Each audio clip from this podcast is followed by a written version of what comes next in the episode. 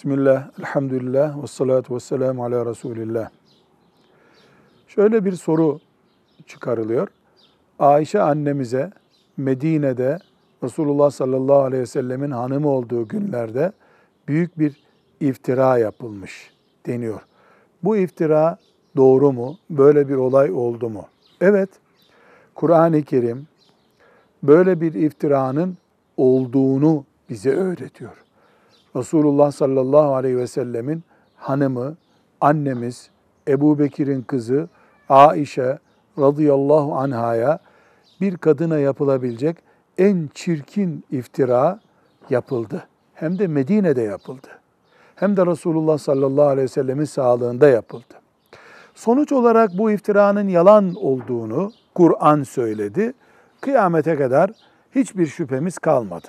Bu yalandı. Peki bundan bugünkü Müslümana bir ders çıkıyor mu? Çıkıyor elbette. Eğer Medine'de Resulullah sallallahu aleyhi ve sellemin hanımına İslam'ın devlet olduğu bir ortamda böyle bir iftira yapılabiliyorsa dünyanın hiçbir yerinde hiçbir Müslüman kadın iftiraya karşı kendini güvende kabul etmemeli demektir. Ayşe anamızı Kur'an pakladı. Öyle bir şey yok. Bu iftiradır dedi. Tertemiz oldu. Eskisinden de daha temiz oldu Ayşe anamız. Ama kıyamete kadar Kur'an inip de kimseyi aklamayacak, paklamayacak. Dolayısıyla Müslüman kadınlar kıyamete kadar bu riski hep bilecekler. Şüphe ortamından, şüpheli kişilerden, şüpheli konulardan uzak duracaklar. Bir de Kur'an-ı Kerim o iftiraya anlamadan karışanları kınıyor.